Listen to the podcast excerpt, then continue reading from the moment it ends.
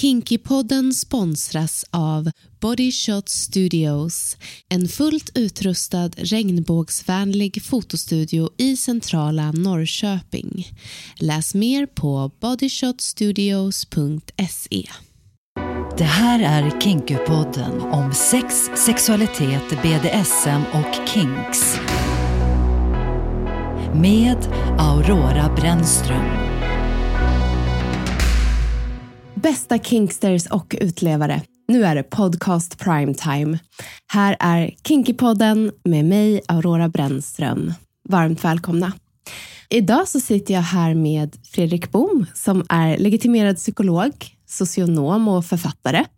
Eh, parterapeut med attitydpsykologi och förändring som specialområden. Varmt välkommen. Tack. Eh, jag är så himla glad att du är här. Eh, vi känner ju varandra från eh, när vi jobbade tillsammans på en tv-produktion för ett år sedan. Eh, och sen hörde du av dig till mig och ville gärna gästa, vilket jag är så himla glad över. Och jag hoppas att vi ska prata om liksom, sexualitet och kinks, kanske BDSM utifrån de perspektiv som du eh, har med dig inom psykologin och ja, mm. från ditt socionomperspektiv och parterapeutande. Jo, men det, och jag tycker att det var jätteroligt när jag fick reda på att du hade den här podden. Jag kunde liksom inte låta bli att bjuda in mig själv lite grann. Mm. Och det är, det är därför att eh, när man arbetar som parterapeut så, det, så den allra vanligaste frågan man får, ja. alltså 100 procent garanterat den vanligaste frågan man får, det är men hur håller vi glöden? Hur, får vi, mm. hur, hur, hur, bibehåller vi en intimitet? Och det, ja. det, är en fråga på ytan, men börjar man gräva i den frågan ja. så hamnar man rätt snabbt i den här världen, mm. i din värld, i fetischvärlden, i kinkvärlden. Mm. Och det är sällan utifrån min yrkeskår, psykolog, det är sällan vi pratar öppet om det utan mm. vi mera antyder och sen så glider vi vidare. Så att jag tycker det ska bli jättekul att få gotta mig lite i det här ja. tillsammans med dig. Ja, men jag håller med. Det ska bli så spännande. Men innan vi börjar och innan du liksom breder ut eh, texten om dig också och vad du kan så vill jag gärna veta hur du, ident- eller hur du definierar kinks. Oj då. För det, det, är liksom en del av, av sökandet i den här podden också. Ja, men det, det är ju det och, och mm. problemet blir att det blir, precis som du säger, det blir en väldigt personlig definition. Ja. Men, men när man pratar om kinks så är mm. det i regel ett fenomen eller en sak eller kanske en miljö eller en situation som väcker lustkänslor och som driver lustkänslor. Mm. Och det, det gör ju att, för mig i alla fall, så kinks kan vara något väldigt, väldigt brett. Men det är också något väldigt personligt. Det är mm. någonting som får just dig att gå igång. Mm. Skulle du säga att kinks behöver vara liksom extremt om man använder det ordet? Eller behöver det vara extra? Eller? Nej, I min värld ja. så behöver det inte vara det. Alltså, ofta när man diskuterar och vi pratar om kinks som fenomen mm. så menar vi ofta något extra, något väldigt, väldigt edgy, något väldigt ja. långt ut. Och det kan vara det och det är fine. Men vi har ju alla våran bild av vad som är normalt och vi mm. har våran bild av vad som är vanilj om man tar mm. motsatsen. Och det gör ju att för en person så kan mm. något väldigt, väldigt litet vara en kink. Ja. Medan andra personer behöver mer. Det är bara att jag, jag, tycker ofta i den offentliga debatten så blir det något väldigt, väldigt stort och det ska vara något ja. väldigt udda och väldigt avvikande. Just det. Eh, det kan bli lite så alarmistiskt nästan. Eller liksom att det blir sensationellt. Oj, oj, oj, det var kinky. jo, jo ja. och, och, jag vänder mig lite grann emot det. Ja. Därför att om vi, om vi tar den där frågan som driver mig väldigt mm. mycket, alltså hur håller man glöden levande och, och så. Mm. Svaret på den frågan är alltid kink. Mm. Men, men kink utifrån ditt perspektiv. För ja. att lustkänslor är baserade på kinks. Så att jag törs påstå att du kan inte ha ett, ett det är klart kan, kan man ju, men, men du kan inte ha ett tillfredsställande sexliv utan att ha åtminstone några kinks som mm. för dig är det som driver lustkänslorna. Sen kan en annan person titta på det och tycka att men det där var väl ingenting. Liksom, mm. Kom igen nu, vart är lacket, vart är lädret, vad det nu är. Ja. Liksom, men, men du behöver de där peaksen för att, för att komma igång på något sätt. Just det. Ja, men tack, vad, vad spännande. Eh, alltså, hela mitt syfte med den här podcasten är ju att utforska vad kinks kan vara i den breda kontexten. Eh, och Mitt syfte är också att liksom avdramatisera eller avmystifiera det och också prata om det på ett så här, ja, men, lustfyllt men informativt sätt och så här lugnt sätt och berätta att det här finns, det här finns också. Så därför är den frågan viktig. Eller så här, jag tänker att när, när eh, ja, men jag har släppt ett antal avsnitt så kanske det finns en, en eh, jättebred eller jättespecifik definition för mig vad kinks faktiskt är. Eh, alltså jag definierar mig själv som kinkster. Okej. Men jag förstår att det betyder, det betyder bara det för mig. Eller liksom, det är ju min version då som jag utgår ifrån. Men vad är en kingster då? Ska det vara en person som ägnar sig åt kinks mer än de flesta? Eller vad, vad är det? Mm. Också jättebra fråga. Men ja, det tänker jag. Eh, alltså på så sätt så, så skulle jag säga att jag närmar mig eh, de som kallar sig för fetischister. Eh, det gör inte jag, för att jag har inte liksom något specifikt material eller någon specifik sak som jag måste addera eller som jag liksom rent faktiskt går igång på eh, eller ihop med. Eh, men däremot så behöver jag vissa kryddiga liksom, ja, vad ska man säga? Jag har vissa preferenser. Jag har vissa praktiker jag behöver för att känna mig kåt eller ha lust. Eh, och de kanske går utanför normen. Eller det gör de ju, många av dem. Så då tänker jag att då är jag en, en kinkster. Just nu i alla fall. Ja, Ja. ja, för det där är ju också någonting som ibland jag reagerar över Mm. när man pratar om kinks. Att man pratar om det som att Dels pratar man om det som att det ska vara allomfattande. Ja. Om du är kinky i sovrummet, då måste du vara konstig i livet. Det, det finns någon sån här koppling. Och, och i alla fall i min erfarenhet, det sambandet finns inte alls. Men det är också någonting som man pratar om som att det vore statiskt. Mm. Att bara för att du är kinky just nu så ska du för alltid vara kinky på det sättet. Och människor är ju rörligt material. Vi Ja. utvecklas, vi lär oss, vi evolverar. Och, och det gör ju att det som jag uppfattar som kinky idag, Mm. det behöver inte nödvändigtvis vara kinky om tio år för mig eller, eller för den delen för samhället. För Mm. Ja. samhället ändrar sig också. Visst, och det där har jag verkligen tänkt jättemycket på, det här med förändring. Alltså både för mig själv som person och vad jag tycker om och vilka relationer jag har. Liksom att, eh, men det där är någonting som jag har behövt jobba för att lära om. För att jag tror att jag är uppvuxen med att det är lite mer statiskt. Ja. Att så här, du vet, du bestämmer dig för någonting du vill bli och sen jobbar du för att bli det. Och sen är du det.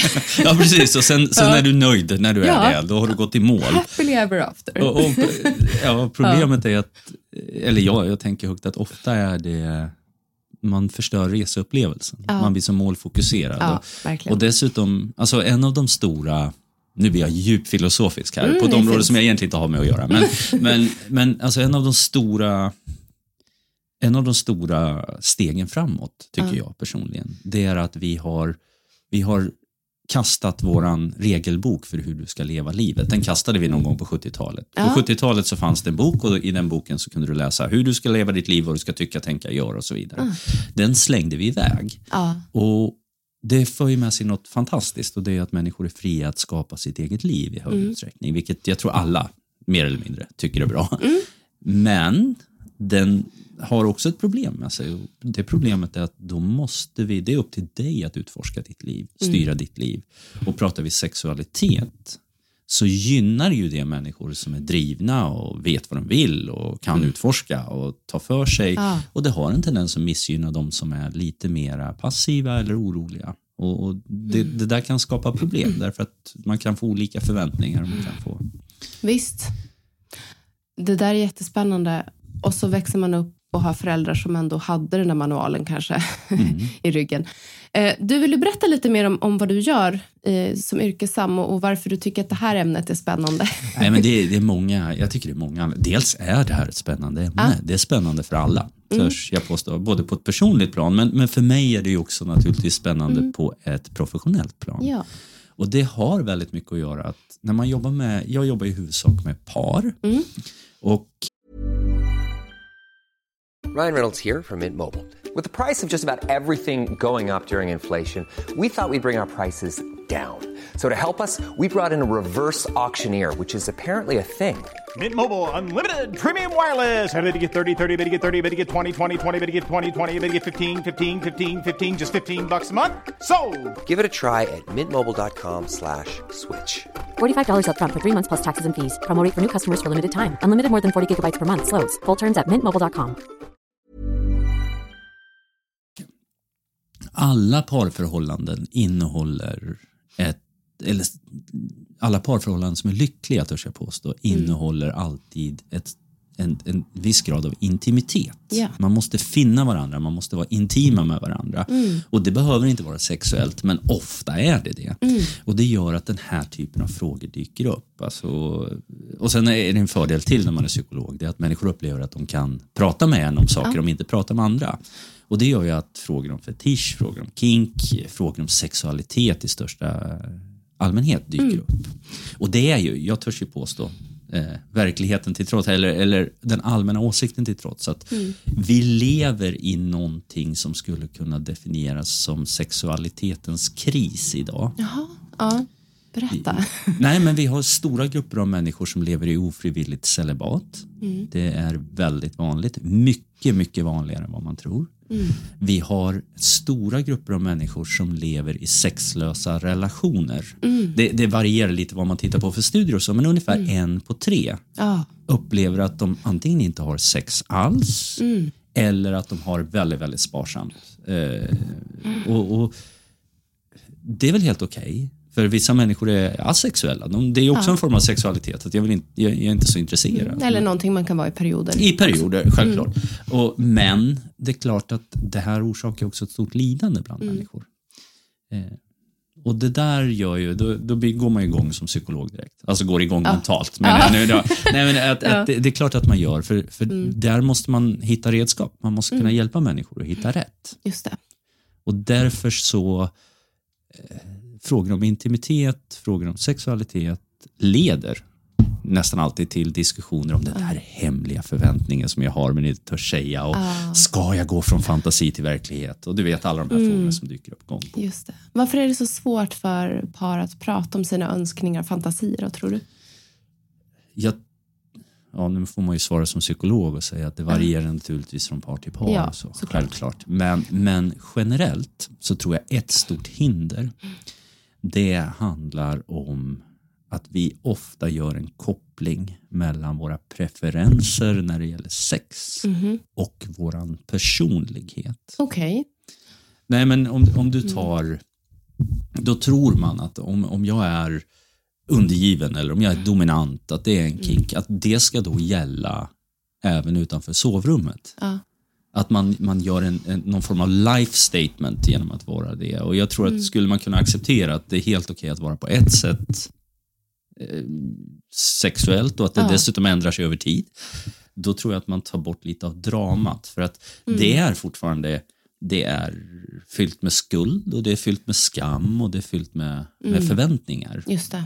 Och jag tror att det mycket väl hindrar en öppen konversation. Mm.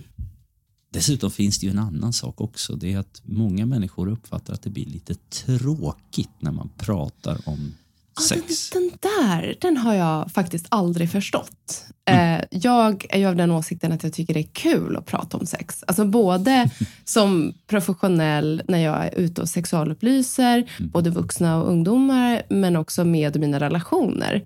Jag tycker det är superkul, jag tycker det är superhett. Så att jag, jag kan inte relatera till det Nej. där. Eh, vad är din tanke kring Nej, men det? jag, jag har ju en gissning, men det får man ju ta för vad det är. Det, är Ja. det är liksom en gissning. Men det, är, det finns två motverkande krafter i alla relationer. Ja. Eh, och båda är djupt mänskliga, törs jag påstå. Mm.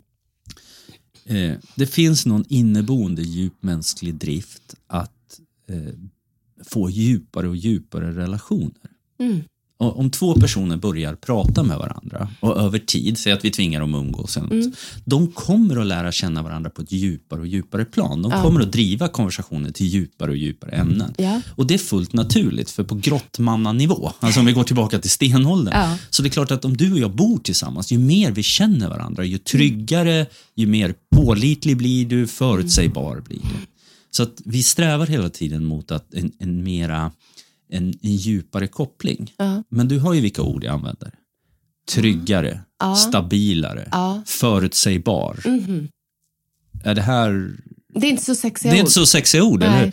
Och det gör att, för att de allra flesta människor, de tycker att, eller de, de finner lust i ett utforskande när man inte riktigt vet vart det här slutar. Det finns inget schema för det här. Det är lite, lite utmanande, kanske till och med lite småfarligt någonstans i bort. Det är sådana saker som väcker känslor. Så att intimitet driver vi mot djupare relationer. Men det, det finns en risk, jag säger inte att det alltid är så, det finns en risk för att, för att bibehålla sexualiteten måste det finnas lite mystik också. Ja. Jo, jag förstår det, men samtidigt så här, kan man inte se det som någonting pirrigt och utforskande och lite osäker mark att våga att så här, prata med sin partner eller den man har sex med eller så här, att, att sätta ord på fantasin. Så tänker jag, men eh, alltså jag ser ingenting tråkigt i det. Nej, Ehm. Nej och återigen, alltså, Fast det, det jag, i och för sig, om jag får gissa så tänker jag att det skulle kunna göra att man kanske blottar sig själv på ett sätt så att man skäms. Alltså, och skam är ju typ det värsta, Mm. eh, värsta, värsta för sexualiteten. mm, Eh, I alla fall om jag utgår ifrån mig själv. Mm. Så, vilket ju är liksom någonting jag har dealat jättemycket med. Eh, för att många saker som jag har liksom längtat efter länge har ju känts otroligt skambelagda.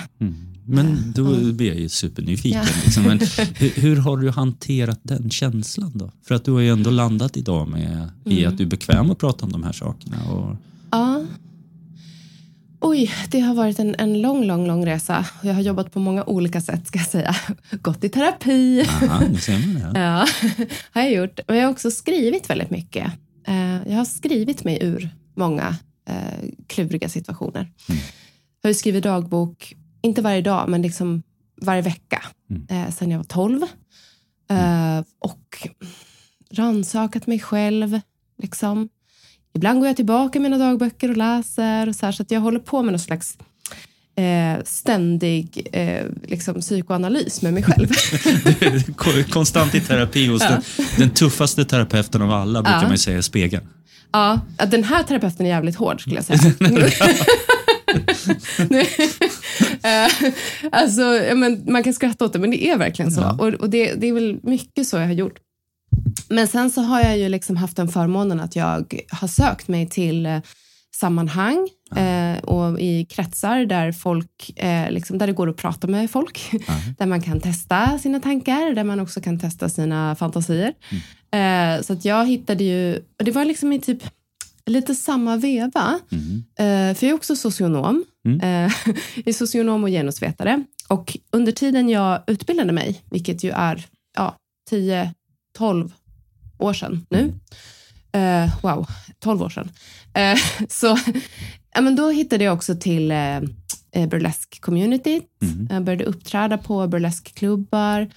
Liksom skaffade mig vänner inom det communityt. Hittade BDSM-världen och klubbarna där. Eh, började gå på swingersklubbar med min man. Eh, och hittade till RFSU professionellt. Så jag har jobbat inom RFSU i tio år.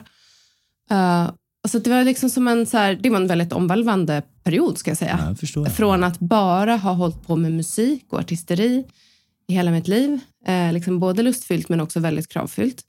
Eh, jag, ju, ja, jag brukar säga att jag har haft en tuff, alltså inte tuff, en sträng barndom har jag haft. Ja. Eh, liksom sträng med, med mycket förväntningar. Liksom. Det har gjort mig gott, men eh, jag var ju på den liksom, platsen att jag trodde att det här är det enda jag kan. Jag kan bara musicera. Det är liksom min hela värld. Och det, för vissa kanske det låter som en underbar värld, Mm. men för mig var den väldigt snäv. Eh, väldigt trång värld. Eh, därför att jag fick inte ens utforska vem jag var mer än det. Eh, och där någonstans började jag tänka så här, för att jag var så himla arg också för att jag hade blivit så mycket skammad kring eh, min sexualitet och väldigt så här, korrigerad med mitt utseende, mitt, liksom, hur jag skulle uppföra mig. Det var så himla mycket så här, vett och etikett kring allting. Och jag hade ett, ett riktigt jävla ok av duktig flicka på mig Mm. som jag kände att jag hatade. Eh, och då kände jag så här, men vänta lite nu. När jag är med kompisar, då är ju jag sexualupplysare. Alltså jag blir ju den där. Eh, jag, och, och liksom både på den nivån att jag kan saker, men också att jag kan berätta roliga stories. Och det blir så här, det blir så himla lustfyllt för mig att få prata om det. Så bara, men ska jag göra någonting åt det här då kanske? Eller av det här? Eh, så då började jag läsa socionom med tanken att jag skulle jobba med typ ungdomar, eh, kanske på en ungdomsmottagning och sådär. Parallellt med mitt musicerande då. Ehm, nu, ja, jag vet inte riktigt vad, vad du exakt ville veta, men eh, Nej, men jag var bara nyfiken. Men det är intressant när du berättar, för, för du berättar ju om kraften i frustration egentligen. ja, ja, ja. ja alltså jag brukar säga att min, min liksom, eh, mitt engagemang sexualpolitiskt, det kommer av alltså verkligen lika delar lust och ilska. Ja, Det, nej, det är en mix där. Man ska inte underskatta ilska som drivkraft ibland. Liksom så. Man brukar ju säga, när sker en förändring? Eh, en förändring sker när smärtan i status quo är Jaha. mindre än rädslan för förändring. Alltså förändring är ju alltid läskigt och det är svårt för vi ger oss ut på ny mark. Men vi kommer att ändra oss när det helt enkelt är jobbigare att fortsätta som vi gör än vad, vad det är läskigt att förändra sig. Och, och där någonstans så, så händer det ju saker. Ja, verkligen. Du jobbar ju som parterapeut och du har berättat för mig att du får liksom ofta den här frågan kring hur hittar man tillbaka eller hur hittar man glöden i relationen. Och, så hur tänker du då? Är det vanligt att människor lockas till sex eller sexualitet som rör sig liksom lite utanför den här så kallade vaniljsexnormen också? Ja. Ja, Jag, jag törs påstå att sannolikheten för, för säger vi bara lockas av, ja. inte genomför. Mm. Utan lockas av, då är sannolikheten 100 procent. I runda slängar. Ja. Alltså det, det är i alla fall min erfarenhet. Det är klart, Ja. någon finns det ju alltid så här. Men, men det, det är väldigt vanligt. Alltså, sitter vi, alltså en del av en parterapi kan vara att man gör en sexkarta. Eller en del av en parterapi kan vara att man, man liksom på något sätt utforskar vad det är vi pratar ju, vi pratar ju kinks. Vad är, vad, är, vad är det som får igång dig? Liksom, vad är det som, och det är ju en del av en sån process. Och, och det är ju nästan alltid så att människor pratar om någonting som ligger i alla fall utanför vaniljspåret om Ja. vi nu liksom är, är lite så här, Just det, vad, vad nu det är. vad nu det är. Ja, för det, det, det är också väldigt olika för olika människor. Ja, Men, verkligen. men så är det ju. Eh, De vanligaste fantasierna, Mm. Eh, det brukar skilja sig lite grann mellan män och kvinnor, men det, det är man, väldigt vanligt med fantasier om flera partners. Det är väldigt vanligt med fantasier som handlar om dominans eller undergiven position. Det är väldigt vanligt med fantasier som handlar om någon form av bondage. Liksom. Det, det är väl de här aspekterna man brukar, liksom, det vanligaste att människor tar upp eller diskuterar. Just det. Och de är ju nästan alla kink-relaterade på något sätt. i alla fall. Ja, just det. Men också går in i liksom spektrat BDSM. Mm. När man pratar sexualitet, Mm. eh, för, för ibland får man frågan så här, men hur blir man bra på det här då? Ja. Alltså det, det, och, och jag brukar säga bara det faktum att du ställer frågan gör antagligen att du blir bra på det. Ja, Eh, det. men, men sen kan man också fråga sig, vad är bra? Det är en Ja. annan fråga Ja. som är väldigt intressant. Men de allra flesta människor Mm. eh, upplever sexualitet med mycket känslor involverat. Mm. Alltså känslomässig commitment eh, som erotiskt. ja. Eh, och det, det. det gör ju att den vanliga svaret på den här vanliga frågan, alltså Mm. hur får vi med, det är att vi måste, hur, hur, hur, hur håller vi glöden levande? Hur, ja. det, det handlar om att vi måste blanda in mer känslor Aha. i sex och sexualitet. Det är det vanliga för de flesta människor. Mm. Så då har vi ju begränsat frågan. Nu handlar det helt plötsligt inte om hur hittar vi glöden, nu handlar det om hur hittar vi mer känslor hos oss själva och hos varandra. Och då tittar man sig ofta omkring efter hjälpmedel för att göra det. Ja. Och då blir det spännande. Vad väcker känslor hos dig? Ja, men känsla av att eh, ha kontroll eller förlora kontrollen. Det väcker känslor hos mig. Eller vet du vad, jag har alltid det här materialet. Jag vet inte vad det är, det bara väcker någon känsla hos mig. Ja. Då kan man börja utforska Ja. de här kinksen på olika sätt. Och då kliver man påfallande ofta, skulle jag säga, utanför vaniljspåret. Just det. Ja, och jag tänker också att vi ska säga liksom till lyssnarna att det är inget fel med att ha vaniljsex heller. Nej, men, men, det, nej, men, och det finns ju en föreställning om att det skulle vara något slags tråkigt sex. Jaha. Eller hur? Ja, men Eh, så är det ju. Ja. Ja. Men, och jag vet inte riktigt, så här, jag, jag måste också fundera på vad är det jag menar när jag använder det begreppet. Eh, och hur, hur, hur använder jag det? Liksom, vilken ton har jag? Ja. Ja, men jag har funderat mycket på vad jag Ja. menar när jag använder det begreppet. Ja. Och, och för mig så är det inte ett laddat begrepp. Det betyder bara det som på en normalfördelningskurva ligger inom en standardavvikelse. Det vill säga Mm. det de flesta gör. Ja, just det. Och det är ju intressant, för vi pratade ju om någonting förut. Ja. Är det här rörligt? Det är det ju definitivt. Ja. Om vi tittar på vad som är, vi definierar som vanilj idag jämfört Ja. med 1950, det är två helt olika saker. Ja, gud, jag, jag tänker det här med liksom olika redskap eller sexleksaker. Det är ju också vanilj idag, Idag det det, jämfört ja. med liksom hur det kanske, eller jag tror i alla fall det var förr. Eh, att man liksom, jag vet inte. Mm. Ja, du, du kunde knappast gå till Elgiganten och köpa, liksom, det, så, så fungerar det i alla fall inte 1950. Det kan exakt, exakt. Kinkypodden sponsras av Body Shot Studios. Body Shot Studios är en fullt utrustad regnbågsvänlig fotostudio i centrala Norrköping. Med bakgrunder, ljus och rekvisita samt med god kunskap och lång erfarenhet kan de tillgodose era behov i studion. Här finns utöver själva fotostudion sminkutrymme samt ett stort yttre vardagsrum vilket ger unika möjligheter att ta emot den som vill ha en helhetsupplevelse som till exempel en möhippa eller svensexa. Du som vill ha din egen fine art nude, fetisch eller BDSM-fotografering eller har idéer för konstprojekt är också välkommen. Modellportfolio kan också ordnas om så önskas. Läs mer på bodyshotstudios.se. Hur vanligt tänker du då att inslag av olika kinks och BDSM-praktiker är i sexuella relationer idag? Eh, och ser du någon liksom generell skillnad kring hur det ser ut för unga personer eller vuxna? Eh, alltså jämfört förr och nu. Eh, ja, och beroende på hur vi då väljer att, att definiera då kinks och BDSM. Men om vi säger att okej, vaniljsex är lite mer avancerat än vad det var för 30, 40, 50 år sedan. Absolut. Men det finns ju ändå någonting som går att kategorisera som lite extra eller lite, eh, lite utanför normen kanske. Eh, hur, vad, vad är din liksom, uppfattning hur vanligt det här är? I, På fantasinivån, Mm. alltså det jag tänker och fantiserar om, mycket vanligare än vad människor tror. ja, I princip 100 procent, inte riktigt, men i, i princip 100 Mm. procent. De allra flesta har tankar om det här, de har fantasier om det här. De kanske praktiserar det när de är själva. aha. Eh, Det, det, det är vanligt. Mm. När vi pratar om utlevnad däremot, så till att börja med måste man ha en partner. Ja. Det är inte alla människor som har det. Alltså det här med ofrivilligt frivilligt celibat och så Ja. är vanligt. Men i, i parrelationer där man ändå har någon Mm. form av definierad partner, då kommer ju nästa hinder och nästa hinder är att tordas prata om det här eller Mm. göra sina önskningar kända. Och då kommer ju, du vet, We love our pets, but when the floor's covered in fur, that's harder to love. Eufy X10 Pro Omni Robot Vacuum has powerful 8000 PA suction to make hair vanish from floors in just one pass. Plus, the roller brush has automatic detangling for easy hands-free maintenance. Want to know more? Go to eufy.com. That's EUFY.com and discover X10 Pro Omni, the best in class all-in-one robot vacuum for only $799.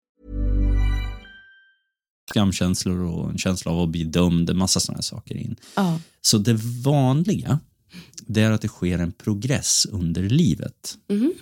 Där man är mera återhållsam i sin sexuella praktik, alltså med vad man gör och så, tidigt i en relation.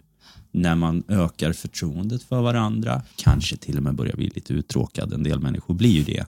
Då äh, börjar man i regel, då, då ökar tendensen till att man för in lite mera kinkpraktik i det här. Ja. Så att det, det, det bör ske liksom en progress över tid Ja. där, där man liksom utforskar mer och mer och mer och mer. Mm. Och däremot så tycker jag man kan ofta se ett problem med par som är jättekinky från ruta ett. Liksom Mm. så. Då, då finns det inget mer utforska, då tröttnar man ofta snabbare. Men, men det är bara en allmän observation. Sådär. Då låter det som att det skulle vara vanligare att personer som är liksom inte så jätteunga har mer liksom kinky inslag eller BDSM-inslag i sitt sexliv. Ja, men. Men, Nej, men ja. men det, generellt, den här, den här den här långsamma progressen jag pratar om, den drar i den riktningen. Mm. Ja. Så är det absolut. Men det, det brukar inte bli så att ju äldre man är, ju mer kinky blir man. Det brukar vara så att det blir en puckel. Ah, man ja. man liksom accelererar och sen deaccelererar det. Men det är ju också så att yngre människor, eftersom Mm. de är uppvuxna i en mer liberal miljö och en mer liberal, mindre skam och skuld, Mm. de har också en tendens att vara mera kinky tidigare i relationerna. Men återigen, där vi pratar om här generella trender, sen personer avviker alltid. Precis, för jag, jag tänker mycket på det här med trender också och eh, alarmistiska liksom, rön. Eh, vi har ju liksom hört en del debatter i liksom, vågor eh, kring ungas sexualitet och tonen på det tycker jag är väldigt så alarmistisk. Att oj, unga har så hårt sex. Alltså, vi har ju till och med sett en, en eh, programserie från Uppdrag granskning som hette just Hårt sex. Där man Okej. pratar om liksom ungas sexualitet idag och hur, hur influerad den är av porren och den hårdare porren. Och att det är liksom, ja men ungdomar, och då pratar vi väldigt unga personer, liksom att man menar att de känner att det finns krav att liksom ha mer avancerat sex redan från början. Att liksom ribban är satt där redan från start. Tycker du att det här för det första stämmer? Eller så hur ska vi prata om det här? Är, är det här en sanning? Eller finns det en annan sanning? Eller liksom... Ja. Ja, ni märker att jag måste tänka efter en Ja, sekund. Nej, men, nej, men Eh. frågan är väldigt svår och den, den är betydligt mer komplex än att det bara är så att unga människor har hårdare sex och andra inte. Och att det är dåligt. Alltså så. Men vi kan inte förneka att vi befinner oss antagligen, när det gäller sex och sexualitet, vi befinner oss mitt i det största experimentet i mänsklighetens historia. Och det experimentet det drivs av två tekniska utvecklingar. Den ena tekniska utvecklingen är att de kvinnor som växer upp idag, det är den andra generationen av kvinnor som har kontroll över sin egen fertilitet och fortplantning. Vilket bara det är ju, liksom, vad, händer när, vad händer när kvinnor tar kontroll över sin egen fortplantning? Vad händer då? Liksom, det, det, det är ett enormt experiment. Det andra experimentet vi befinner oss mitt i, det är att den generation som växer upp idag, eller i alla fall de som är 25 och neråt, eller vad man ska säga. De är den första generationen som har haft absolut fri tillgång till hur mycket porr som helst på hur kort tid som helst. Ja. Och, och Det har aldrig hänt tidigare i Nej. mänsklighetens historia. Och Båda de här sakerna kommer att ha enorma konsekvenser för sex och sexualitet och i förlängningen vår förmåga att knyta an till andra människor. Vilket, vilket är ett annat viktigt steg i här. Vilken påverkan det har, det vet vi inte idag. Men det finns indikationer. Vi kommer inte att se resultatet av det här först om 50 år eller någonting. Men, men redan Vad idag... tråkigt. Jo, men, jo, men redan idag kan vi se indikationer och de är framförallt negativa. Alltså, erektionsproblem hos yngre män är betydligt vanligare idag än vad man tror. Och det är antagligen, nu, nu spekulerar jag vilt Ja. och det hoppas jag folk förstår, att det, det, det, det är lätt att se att det, det, kan finnas en koppling till det vi kallar för systematisk desensibilisering, det vill säga att du trubbas av. Och Vi vet att om du har väldigt hög konsum- konsumtion av porr under en längre tid, då är risken för erektionsproblem väldigt stor. Eh, Så att där är en negativ konsekvens vi ser av det här. Det. Vi verkar också se ett relationsmönster där vi har, det har aldrig varit så lätt som det är nu att hitta en partner. Det har aldrig varit så svårt som det är nu att få en relation att hålla. Så uppenbarligen så är det, det händer någonting. Och, och än så länge ser vi negativa konsekvenser. Det finns säkert enormt mycket positiva konsekvenser av det här också, naturligtvis. Jag hoppas det. Ja, ja nej, nej, men naturligtvis. Det är bara det att eh, som, samhälle så mäter vi i regel de Mm. och Jag tror att det är därför debatten blir väldigt alarmistisk. Därför att ja, det finns reella problem med det här som vi borde diskutera och forska på Mm. och, och relatera till. Det finns också positiva aspekter av det här som vi Mm. inte ser därför att ja, folk söker inte hjälp för dem helt enkelt. Mm. Eh, de, de hamnar lite undanskymt i debatten. Det, det vi borde prata om, det, kan vi hitta det positiva, kan vi göra mer av det, kan vi se till att förebygga det negativa. Helt med på det. Uh, alltså jag är ju sån sann RFSU-are jag är, så, Ja, så, tror jag, så tror jag verkligen på att prata med ungdomar och Mm. också så här, vara ute och våga ta snacket om porr. och om det är sex som de förväntas ha eller om det är så att de upplever att de förväntas ha ett visst typ av sex. Liksom, eller, eh, nu, jag är född på 80-talet och Mm. då, jag har ju liksom vuxit upp med att internet kom till mig senare. Mm. Liksom.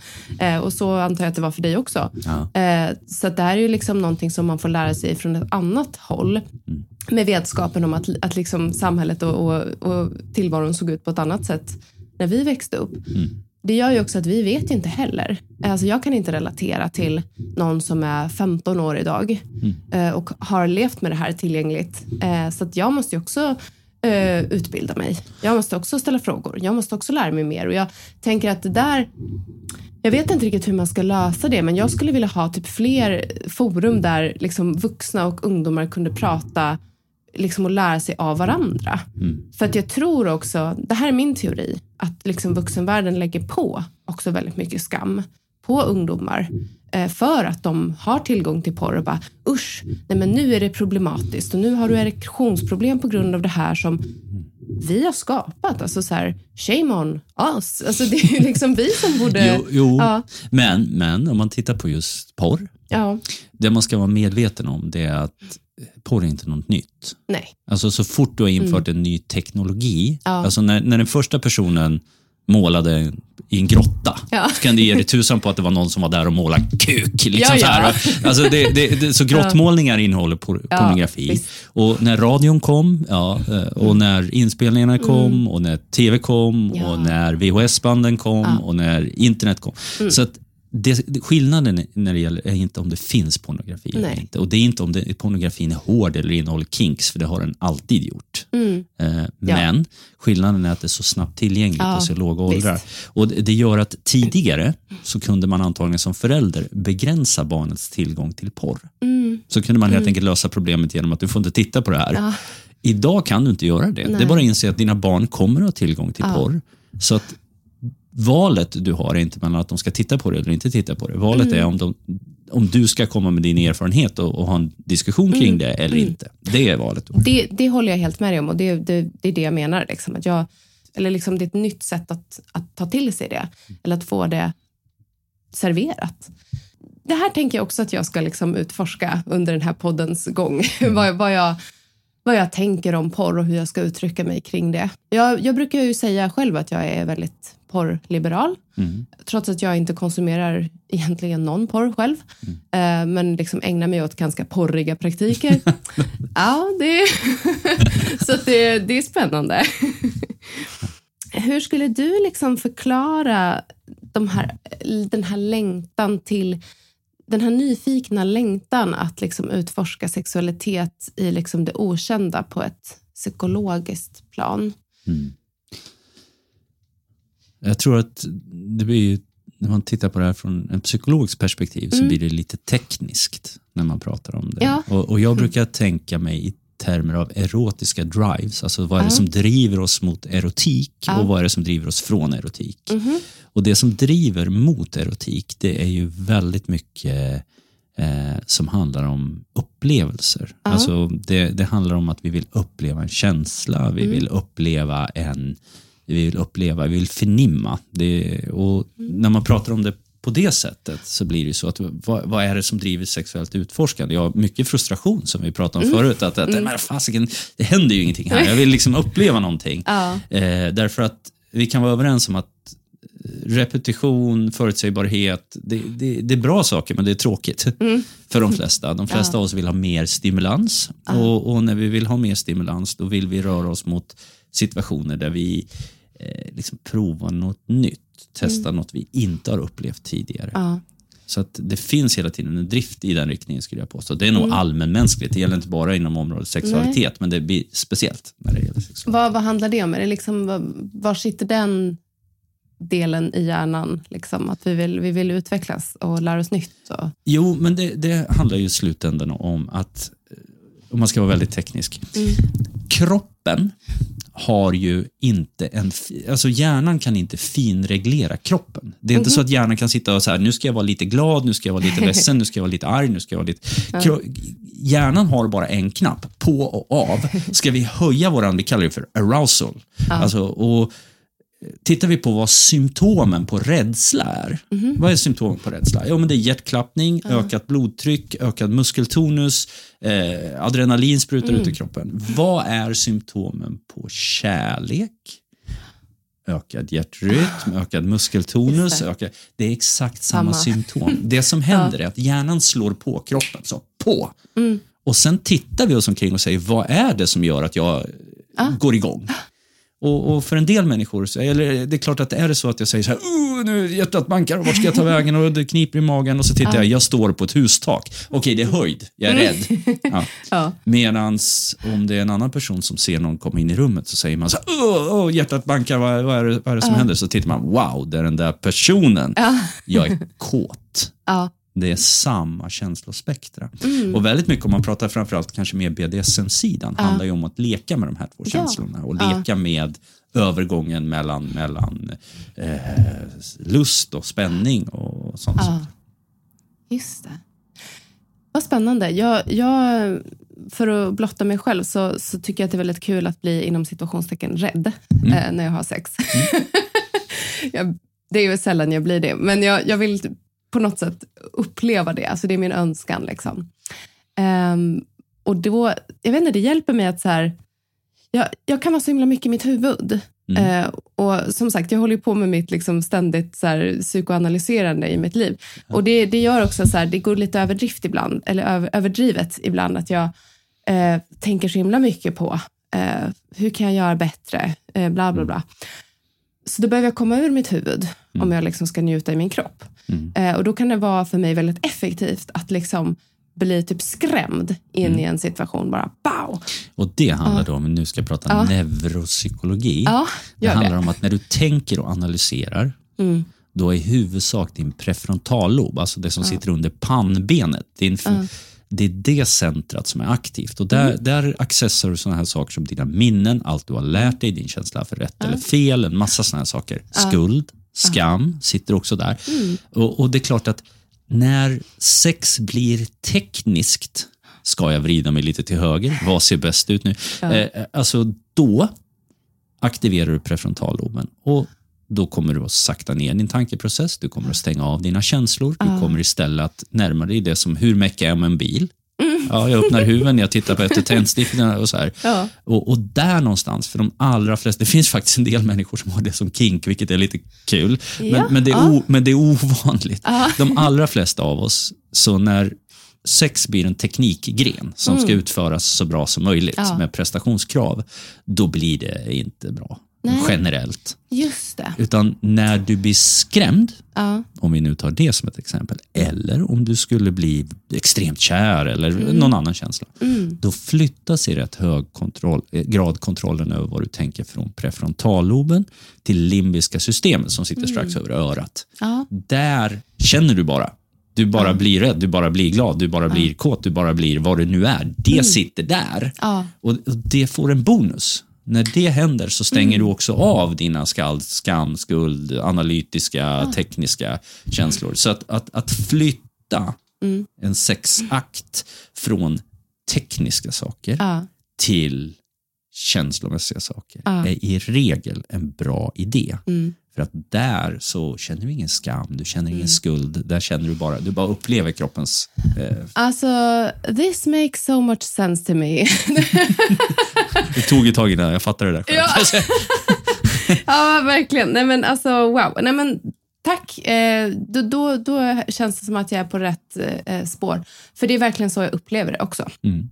Att, jag, att jag flyttar fokus i tanken Mm. eh, från det här, eh, vad ska jag på mig imorgon? Eh, vad ska jag göra imorgon? Hur ska jag ta mig dit? Alltså allt det här jävla tråkiga liksom, stresstankarna. Life management brukar man kalla det för. Liksom, man måste managera livet på något sätt. Ja. Liksom, så. till här och nu, jag är kåt, Ja. jag, vill, jag vill bara vara här. Ja. liksom. ja. Och Jo. då spelar det egentligen inte roll så här, hur avancerat det blir, alltså rent så här, kinky, eh, eller jag vet inte. Inte alltid i alla fall.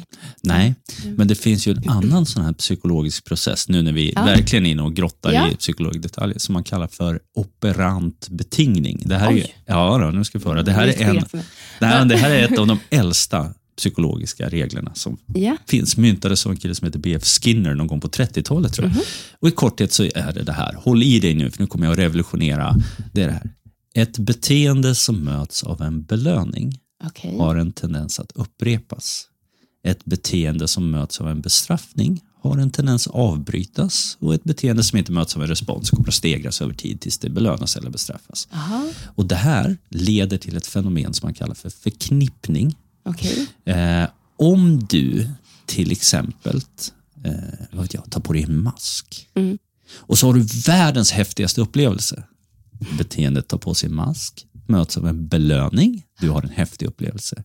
Din vilja att ta på dig en mask igen kommer att stegras. Och när det här sker ett antal gånger så kommer det att ske en förknippning. Du är nu van att ta på dig en mask, ha en skön upplevelse, bli glad. Ta på dig en mask, ha en skön upplevelse, bli glad. Ta på dig en mask. När det här har hänt fem gånger så behöver du inte ha upplevelsen. Då är det bara att ta på dig en mask, bli glad. Ta på dig en mask, bli glad. Det är en förknippning. Det är precis samma sak som fallskärmshoppning. Alltså för vilken människa som helst är det en fullkomligt idiotisk sak att kasta sig ut ur ett flygplan, eller hur? Men för en liten grupp människor, fallskärmshoppare, så är det här en extrem njutning. Varför? Därför att du kastar dig ut ur flygplan, du blir livrädd, tycker att det är obehagligt. Äh. När du landar, då kickar endorfinerna in. Ja. Tänker, ja, gud, jag överlevde, ja, vad häftigt. Och så är du lyrisk i tio minuter. Får jag börja ett stick? Nej, du var inte klar. Berätta. Ja, men jag måste bara säga, då är du lyrisk i tio minuter. Ja. Så att du har hoppa rädd lyrisk. Men om du hoppar rädd lyrisk, hoppar rädd lyrisk några gånger så går du direkt från hoppa ly till lyrisk. Det sker en förknippning. Just det. Och det är så här vi förklarar hur vi får fetischer. Och det är så här vi förklarar hur man blir kinky. Ja. Åh, nej men nu har jag verkligen två grejer. Det är så himla fint att du tar upp det här med fallskärmshoppning. För att min morfar, som inte lever längre, han var fallskärmsjägare Ja. i militären eh, när han var ung. Eh, och eh, jag liksom, han har inte berättat så mycket om det, men de gånger han pratade om fallskärmsjägarna och liksom det laget som han var ute i krig med, kan också pratas liksom om, men då fick han något väldigt glansigt i ögonen av stolthet och eh, självkänsla som var utöver. Liksom. Eh, ja, jätte, jättefint att få liksom, den bilden till mig. Eh, det andra är ju att eh, det här bekräftar lite det jag upplever liksom för mig själv eh, i min eh, utlevnad. Att eh, Jag har ju vissa situationer som jag förr har blivit rädd för. Eller liksom rädd i. Som jag liksom har utmanat mig själv i. Som jag nu kan eh, ägna mig åt utan att bli rädd. Jag vet att det är det som jag har tänkt ska hjälpa mig in i det lyriska. Mm. Men jag blir bara lyrisk. Ja. Förknippning. Ja. Gud vad spännande. Om det är någon som är intresserad av att läsa på så kan ni läsa om Pavlovs experiment på hundar. Aha. Eh, det lät eh, tvivelaktigt etiskt med hundarna, men... Eh, Det är, väldigt, det är därför det är gjort i början av 1900-talet innan man uppfann etik. Så att, eh, Mm, När man läser tidigt psykologi överhuvudtaget så ska man inte förvänta sig allt för mycket etik. De var rätt risiga på det rätt länge. Du Fredrik, eh, vad anser du är viktigt att tänka på för att kunna få utlopp för sina önskningar, sin längtan och sina preferenser? Om man tänker på ja, newbies, nybörjare. Vad är liksom steg ett? Eh, själv eller med en partner? Ja, det, det första steget på något sätt det är att man måste erkänna sina önskningar för sig själv. Det, det är liksom, törs jag påstå, det viktigaste. Att, att nej men jag, jag, jag, det här är någonting som attraherar mig eller som intresserar mig. För att när jag är medveten om dem, det är först då jag kan liksom välja vad jag ska göra. Det andra jag ska säga det är att eh, man får alltid ångra sig. Det, och det får man göra när som helst och hur som helst utan att behöva motivera det. Det är bara att säga jag ångrar mig, jag vill inte. Ja. Och, och det gör att, att om man tänker på såna här saker som att utforska sin mera kinkiga sida. Du behöver inte gå från noll till hundra. Det är helt okej att gå från noll till tre och sen tillbaka till ett och sen till två igen och sen till tre och sen till fem. Och, och, så att är man medveten om vad det är för önskningar man har, då ska man vara medveten om ett, jag kan ångra mig. Och Ja. två, de gäller bara just nu. Ja. Och tre, de säger ingenting om mig som person i största allmänhet utan det säger bara vad jag går igång på just nu. Too tired to clean your floors after playtime? Forgot to vacuum before your friends bring their little ones over? Let Eufy X10 Pro Omni help. Powerful 8000 PA suction removes debris, and MopMaster dual mop pads scrub away stubborn stains with ease.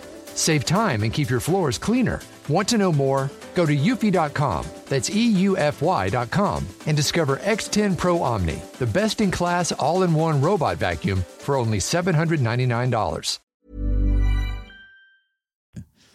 Har man de här sakerna klart för sig, då kan man sen, och nu kommer ju det tråkiga tipset som alla som har gått i parterapi, eller känner en parterapeut eller en psykolog kommer att börja hymla med ögonen. Då handlar det om att kommunicera dem. och det här kan man göra på många olika sätt. För att, eh, ja, man kan prata om dem om man är mer som du och öppen och tycker det går igång på det. För andra människor så vill man kommunicera det lite mera, du vet, man vill antyda att kanske kom igen nu, kan vi röra oss lite i den här riktningen. Just det.